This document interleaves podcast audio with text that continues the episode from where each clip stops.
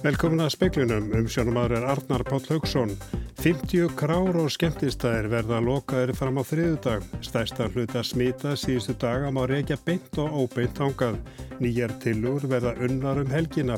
Okkur er kannski að takast að ná utanum þetta, segir sótvarnalæknir. Maður hefur verið ákjærðu fyrir mandráp fyrir að vera þremur að bana með íkveikjum.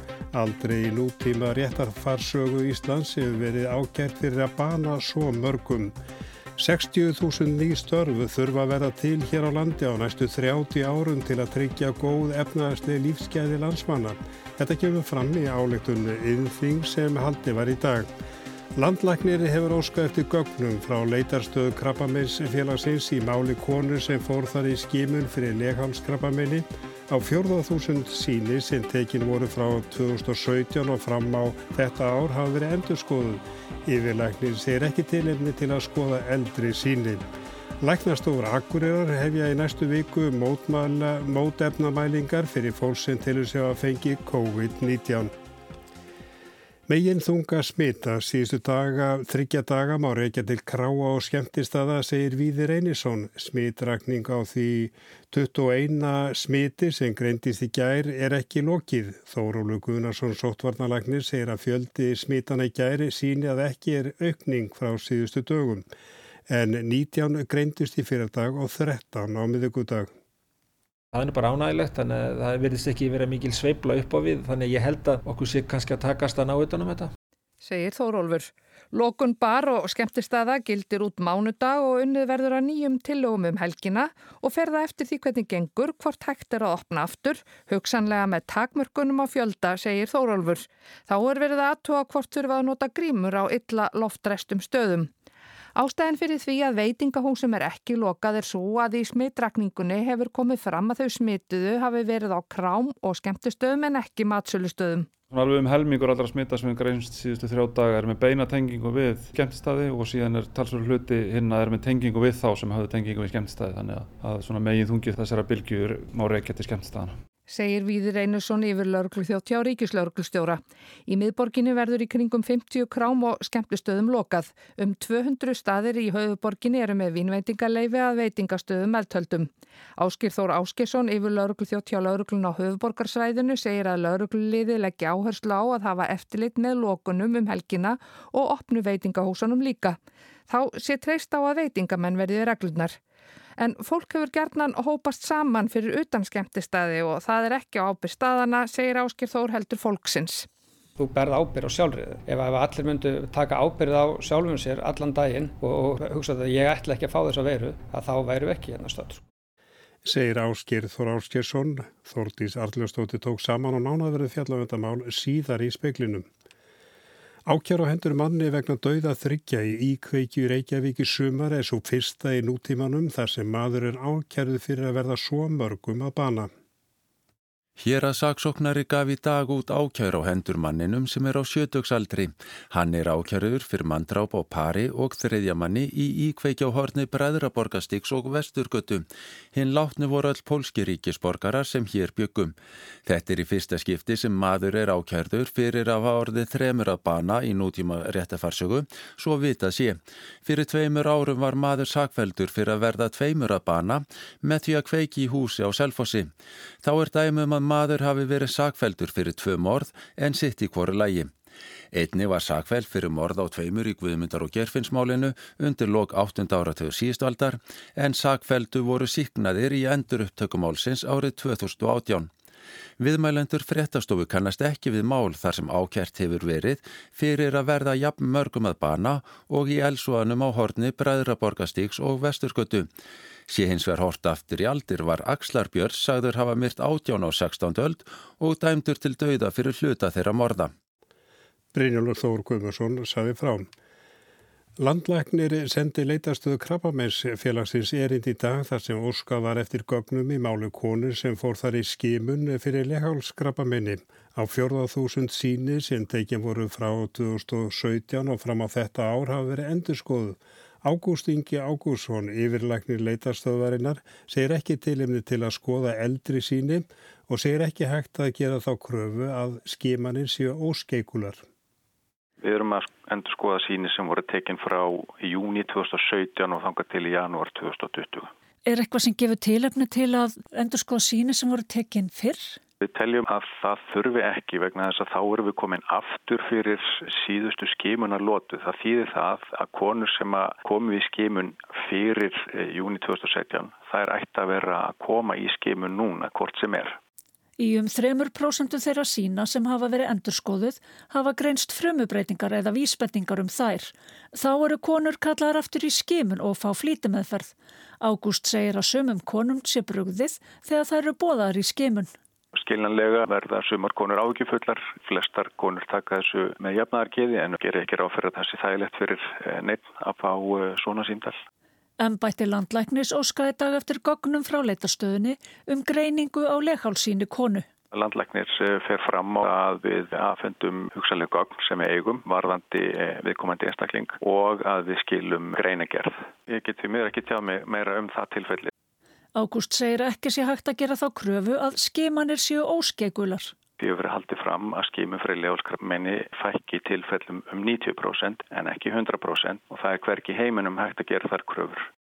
Þetta var Ágúst Ingi Ágússon, Anna-Lilja Þórustóttir talaði við hann. Bjarni Benediktsson, fjármálar á þram, segir aukin smitt síðustu daga ekki vera stóra dóm fyrir framtíð efnahagsins. Það væri þó vonbriði ef faraldurinn næði flugi á nýja leik. Ég hef áhyggjur af skuldasöfnun á þessu ári, næsta ári og komandi árum. Og uh, ég er að horfa á tölur sem segja mér að við eigum allt undir því að okkur takist að endurheimta störf, skapa ný verðmæti og uh, við erum að sá fræjum til þess að það getur orðið. Þannig að uh, við sem samfélag eigum gríðarlega mikið undir því að komast sem fyrst út úr þessu ástandi og fara að vaksa á ný og að því leitunum til er þetta Uh, daldið uh, súrt að sjá þetta gerast en, en þetta er auðvitað engin, engin stóri dómur um, um, um framtíðina. Þetta er bara ástand sem er ekki að ölluleiti óvænt þessi innanlandsmitt núna en samt vonbriði Þetta var Bjarni Benediktsson Læknarstofur Akureyrar hefja í næstu viku mót efnamælingar fyrir fólk sem telur sig að fengi COVID-19. Framkvæmdastjóri Læknarstofu Akureyrar eh, segist finna fyrir mikill eftirspurn almennings eftir mót efnamælingum. Læknarstofur Akureyrar byrja að taka á móti fólki strax í byrju næstu viku. Ekki þarf beðni frá lækni til að komast í mælinguna sem kostar um 5.000 krónur. Mælingarnar eru gerðar í samstarfi við rannsóknarstofuna Sameind í Reykjavík. Ingi Björg Ólaf Ísaksen er framkantastjóri Læknastofa Akureyrar. Við höfum fundið fyrir því að það er mikil eftirspurn eftir þessu mælingum hérna Norðalands og viljum verða við þeirri beðinni. Við ætlum að byrja í næstu viku og bjóða upp á móturnamælingar í þriðdag, miðugdag og fymtudag í næstu viku frá 9-12. Það er svona til þess að byrja að taka kófin af en svo munum verða með mælingar á þriðdagum eftir það, alla þriðdag frá 9-12. Yngibjörg segir að mælingarnar verði í bóði svo lengi sem eftirspurn er til staðar.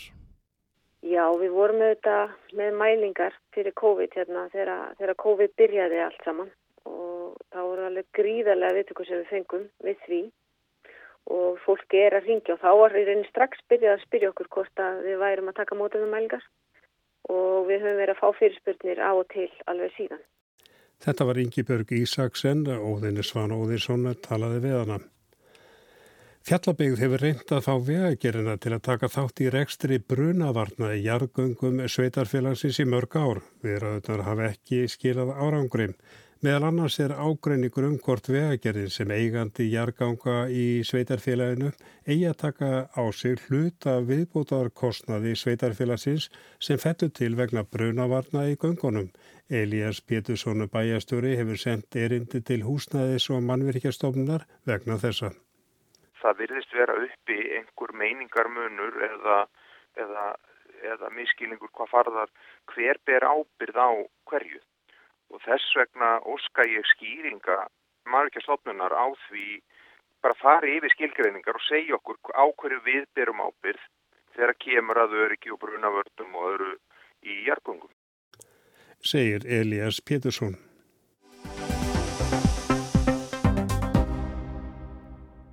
Kráareigandi á höfuborgarsvæðinu gaggrínir ekki ákvörunum að loka krám og skemmtistöðum á höfuborgarsvæðinu um helgina. Hann segir að margir staði séu raun gjaldtróta vegna þess að tekjur nægi ekki fyrir kostnaði. Hann kallar eftir aðgerðum að hálfu stjórnvalda og leggur til að fastegnagjöld verði feld niður og að áfengiskjöldi verði feld niður eða lækkuð.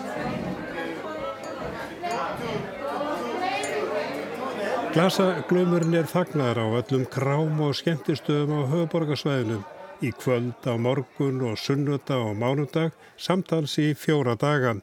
Áður en bannið er ennur út verður meti hvort því verður framhaldið eða ekki. Það á eftir að koma í ljós. Fjóra daga bannið er nær til Reykjavíkuborgar, Seltjarnanes, Mósvelsbæjar, Kjósarheps, Hafnafjörðakaupstar, Garðabæjar og Kópavóks. Það verður sem sagt skellt í lás á öllum skemmtistöðum og krám.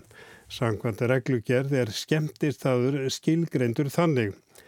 Veitingastaður með reglubunna skemmtistasemi og fjölbreytar veitingar í mat og eða drikk. Hér undir er falla einnig staði þar sem er aðal áherslega lögð á áfengisveitingar, dans, gesta, tónlist og langan afgreifslu tíman en engar eða takmarkaðar veitingar í mat til vitnu líkur og skilgreiningin á krá er þessi veitingarstaður með takmarkaða þjónustu og einfaldar eða engar veitingar í mat þar sem aðaláesla er lögð á áfengisveitingur og langan afgræstu tíma.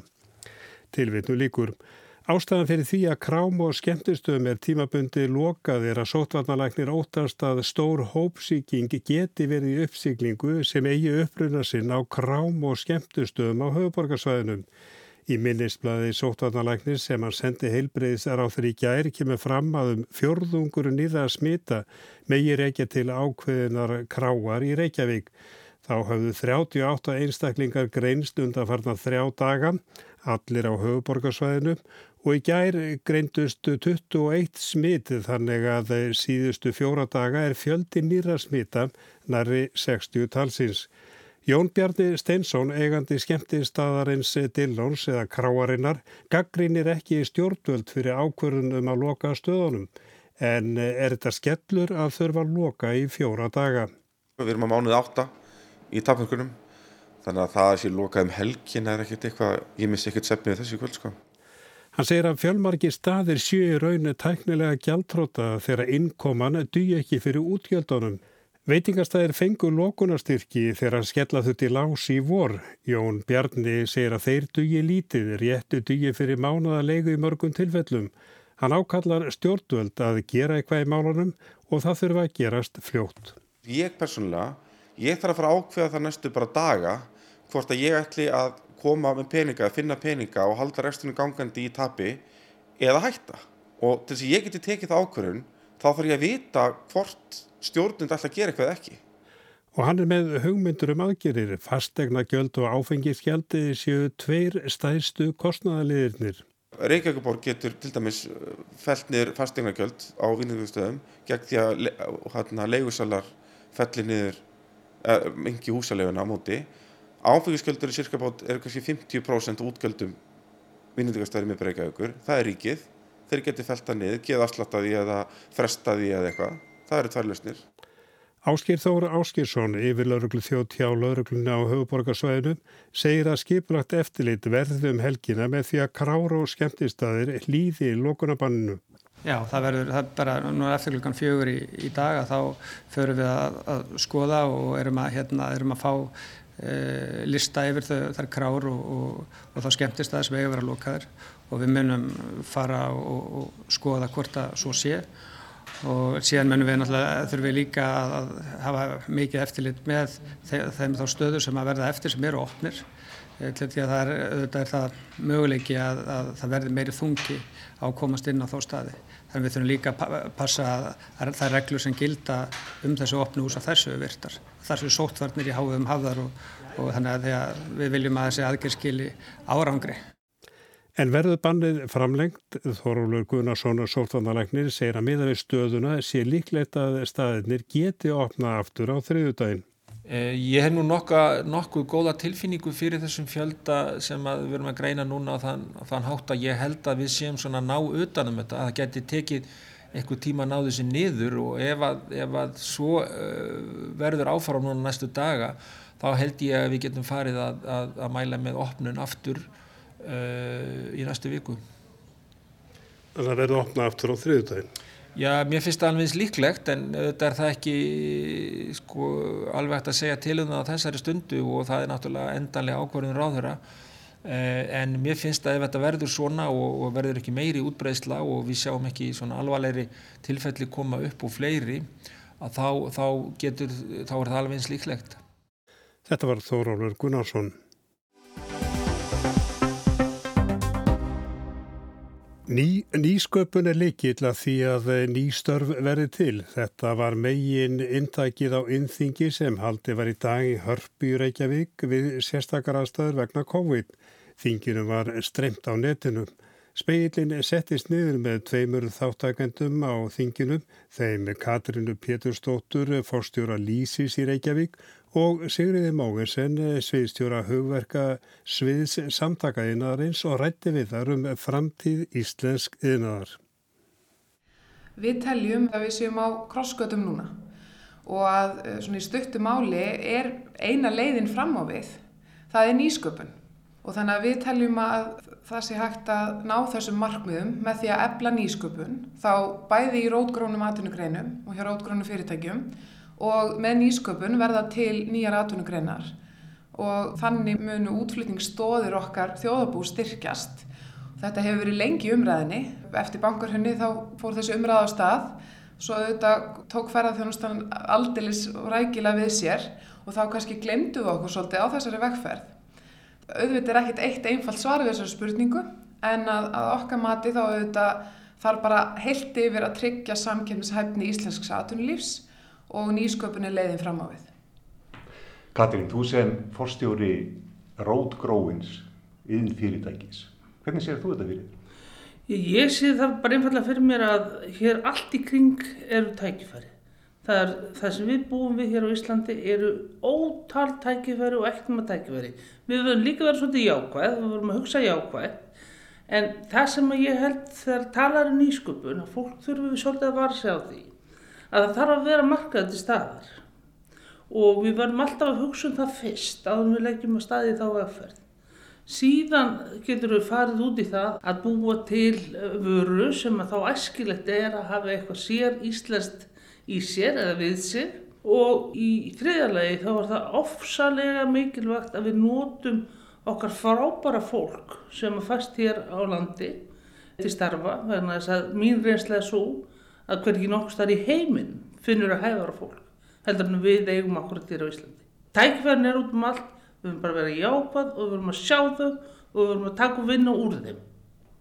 Það hefur verið svolítið ábyrjandi að undanfjöndum árum að það hafa komið inn eitt sprota fyrirtæki, svona spútnik fyrirtæki.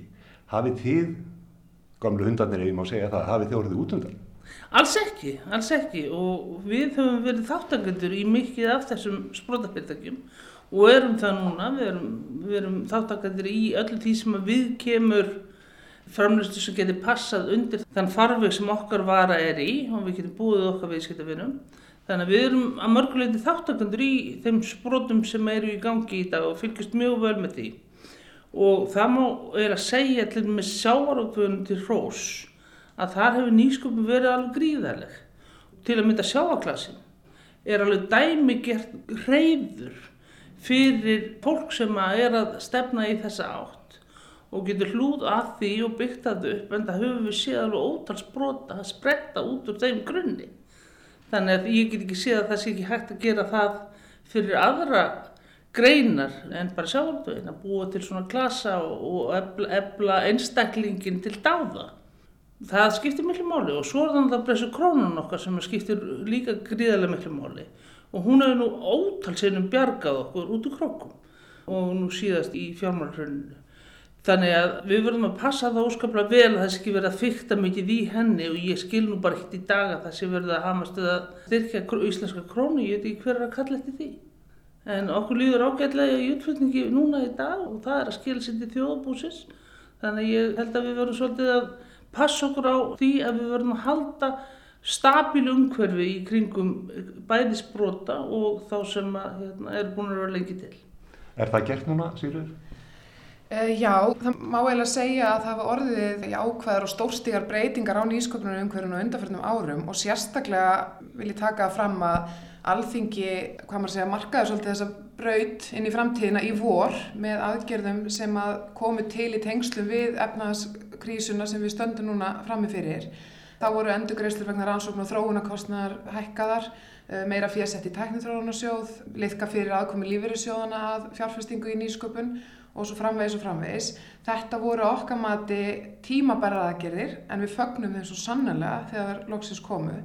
Það er hins vegar þannig að Þetta eru um 4,3 miljardar sem að er verið að setja þarna til viðbótar í nýsköpun á vegum ríkisins og við skulum hafa það í huga að við erum ekki að leggja það til að ríkið sé sjálft að fjárfæst í nýsköpun. Heldur þar þurfa stjórnvöld og, og ríkið í rauninni stiður við kvata og veiti þá fjö inn í samkynningssjóði þannig að það best að komi út úr öllum þessum hugmyndum sem að eru á svo sannarlega mikil gróska hjá ungu fólki og, og auðvitað bara í bæði rótgrónum og, og lítum sprótafyrirtækjum. En það er það líka annað sem að þið hjá samtökum minnaðaris þurfum líka að beita ykkur fyrir og það er það reglugjörðar umhverfi sem að sprótandi búa við Akkurat. og er oft á tíðum ástæð fyrir því að hlutinni komast ekki áfram. Það er hárétt, mjög góða punktur. Við auðvitað erum að horfa á nýsköpnar umhverfið í heilsinni og þar er reglugjörður umhverfið auðvitað veiga mikil þáttur ég er mjög bjart sín á framtíðina, mér finnst stjórnvöld verið að taka við sér í þessum málum en það, við þurfum að gera enn betur, reyfa okkur miklu hraðar,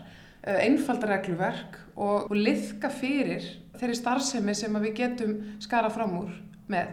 Af því að eh, enda markmiði hérna er auðvitað að styrkja atvinnulífið, að ebla þjóðabúið í hardri samkjafni við annu ríki og að auka útflutningstekjur. Og það er, hefur sjaldan eða aldrei verið brýtnað en akkurat núna.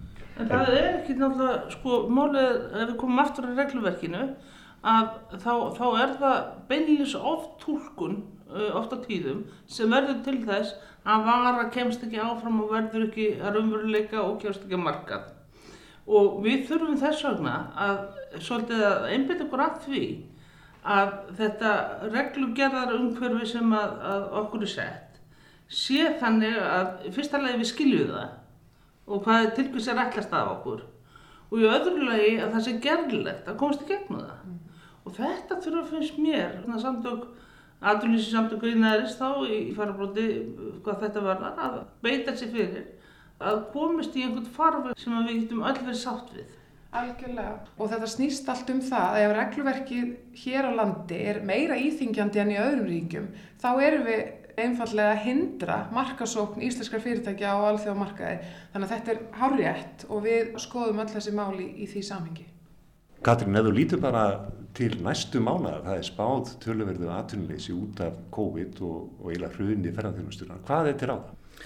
Já, það er svo sem engin eini einföld leið til þess að bjarga málunum á, á einhverjum stöttum tíma. Ég held að við verðum að horfa til lengri tíma á þá uppbyggingu og eblingu atvinnulífsins sem tekið getur við þessum mannöði sem við eigum og það sé náttúrulega fyrst og fremst fólki í því að skapa atvinnulífinu lífumverlegt umhverfið til þess að vinna í og það er stjórnvaldana verk. Tek algjörlega undir þetta en það eru nokkrar þó lausnir núna sem blasa strax við, sem auðvitað, auðvitað mun ekki leysa allan vanda en til að mynda þá hefur aldrei verið meiri ásokn í taknithrónusjóð. Þannig er um að ræða verkefni, fólk sem vill vinna við að þróa nýjar lausnir, hugmyndir og, og, og nýja vöru og þjónustu. Útlutunar hlutfallið er mjög lágt, 7,58%. Þannig er hægt að gefa verulega í. Bara með því að setja 1-2 miljardar til viðbótarinn í teknitrónusjóð, þá erum við að sá fræjum og fjárfesta í framtíðinni og líka verja störf í dag og skapa ný störf í dag. Því flest ný störf verða til hjá litlum og meðalstórum fyrirtækjum og við sjáum að þessum aðgerðapökkum þá er þetta um kannski 200 miljardar brúttó sem er að fara í þessa aðgerðir út af vegna COVID að það er einingis fjórir miljardar í fjárfestingu í nýsköpun sem er fjárfestingi í framtíðinni og skapar nýstörf þannig að ég myndi vilja sjá miklu meiri fókus á þetta. Og það var Kristján Sigur Jónsson sem talaði við Sigriði Móinsen og Katrínu Péturstóttur.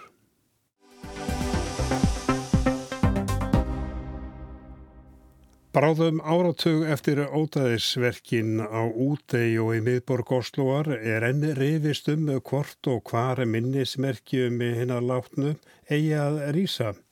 Samningavirðaður, dómsmál og endurhörnumerkið hafa aðeins orðið til þess að fresta framkvæmdum og nú í vikunni var deilan enn tekin til dóms. Gísli Kristjánsson í Oslo útskýrir hvernig á þessu standi.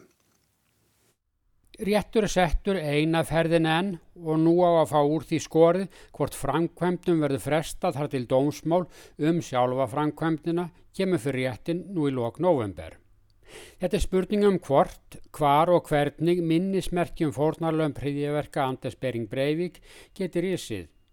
22. júli næsta sumar verða liðin tíu ár frá ódæðisverkonum og þá á, samkvæmt ákvarðun ríkistjórnarinnar, að výja merkið. Víkslan er nú þegar orðin 6 árum og eftir áætlun og í stað þess að merkið kostaði 30 miljónir hefur kostnaðurinn tífaldast vegna málaferla og endurhönnunar.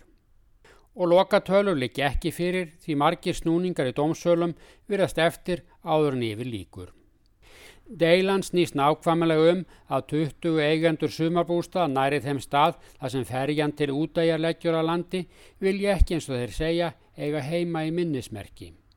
Vilja ekki að staðurinn verði fjölsóttur viðkomustafur þeirra sem vilja minnast fornalambar hýðuverkana og vilja ekki þurfa að reyfja upp þessa hörmungar atbyrði í hvert sinn sem þeir líti út um glukkan. Jáframt likur fyrir að aðrir eigandur bústáðasvæðinu hafa ekki mótmælt minnismerkinu og eru ekki með þessu dómsmáli til að fá byggingu þess stöðvaða. Því er einningum innbyrðis ósætti meðal nágrannana að ræða. En bæði ríkistjórn og ungliðar hefing verkamannaflokksins en ódæði Breivik speindist bæði gegn ríkisvaldin og ungliðunum eru staður á það nýja láta merkið rýsa. Þarna var minnast allra 77 sem letu lífið á eiginni og við stjórnaráðsbyggingun í Ósló. Þetta er gert með því að reysa 77 bronsúlur. Upphaflega átti alltaf að vera klárt fyrir 6 árum. Þá var talað um að skera djúpa rauð í klett þarna á staðnum. Eigandur bústaðana sættu sig ekki við það og gengi var til samninga um nýja hönnun. Þá kom hugmyndin upp um að reysa bronsúlurnar sem er látlausara minnismerki en einni því var hafnað og eftir það hefur gengið á dómsmálum sem enn sér ekki fyrir endan á. Frankvæmdir átt að hefjast í júni í sumar en var frestað vegna kæru. Kærinu var hafnað og þá var hafist handa í ágúst. Enn er búið að kæra vegna skipulaskalla en það mál kemur ekki fyrir dóm fyrir í november. Því er nú beðum lögban á framkvæmdina þar til dómsmálið sjálft verður tekið fyrir. Andstæðingar merkisins á þessum stað hafa fengið vottor sálfræðinga um að þeir þóla ekki framkvæmdina. Sumir þeirra hafa líst líkamlegum engjannum vegna álagsins sem þessu fylgir. Það er ósjálfráður skjálti í höndum og þrótti í andliti auksvefn tröflana. Núna verður hérastrétturinn á Ringaríki að taka afstöðu til þess hvort þetta er næg ástæða til að stöðva framkvæmdir. Fylgjendur þessa merkið verði reist á þessum stað segja að bæði aðstandundur þeirra sem léttu lífið og þjóðinu öll verða að minnast þess sem gerðist. Engin staður sé betur til þess fallin en einmitt bryggjan þar sem fólk úr eiginu koma landi. Andstæðingar merkið sinn segja að öllum sé það fyrir bestu að gleima þessum hörmungum sem líka reyndu mjög á fólkið í sumarbústöðunum. Það tók líka þátt í björgun þeirra sem lifdu af. Til vara megi reysa svona minnisverki á öðrum stað þar sem fólk geti sapnað saman án þess að trubla eigendur sumabústaðana. Gísli Kristjánsson saði frám og við sögðum frá því meðal annars í speiklunum í kvöld að 50 krár og skemmtistæðir verðalokaðir fram á þriðudag. Stærstan hluta smita síðustu daga má reykja beint og óbeint þangað. Nýjar tilúr verða unnar um helgina. Maður Eh, hefur verið ákjörðu fyrir mandráp fyrir að vera þremur að bana með íkveikjum. Aldrei nútíma réttafarsögu Íslands hefur verið ákjört fyrir að bana svo mörgum. 60.000 eh, ný störfuð þurfa að vera til hér á landi á næstu 30 árum til að tryggja góð efnaðarslega lífskeði landsmanna. Þetta kemur fram í áleiktun yðþing sem haldi var í dag. Nýsköpun og ný störf voru megin viðfánsefni þingsins. Landlæknir hefur óskað eftir gögnum frá leitarstöðu krabbameinsfélagsins í málu konu sem fór þar í skimur fyrir leghálskrabbamenni á 4.000 síni sem tekið voru frá 2017 og fram á þetta ár hafa verið endurskoðuð. Yfirlækni segir ekki tilimni til að skoða eldri síni. Tæknum var í kvöld var Mark Eldred verið sæl og góða helgi.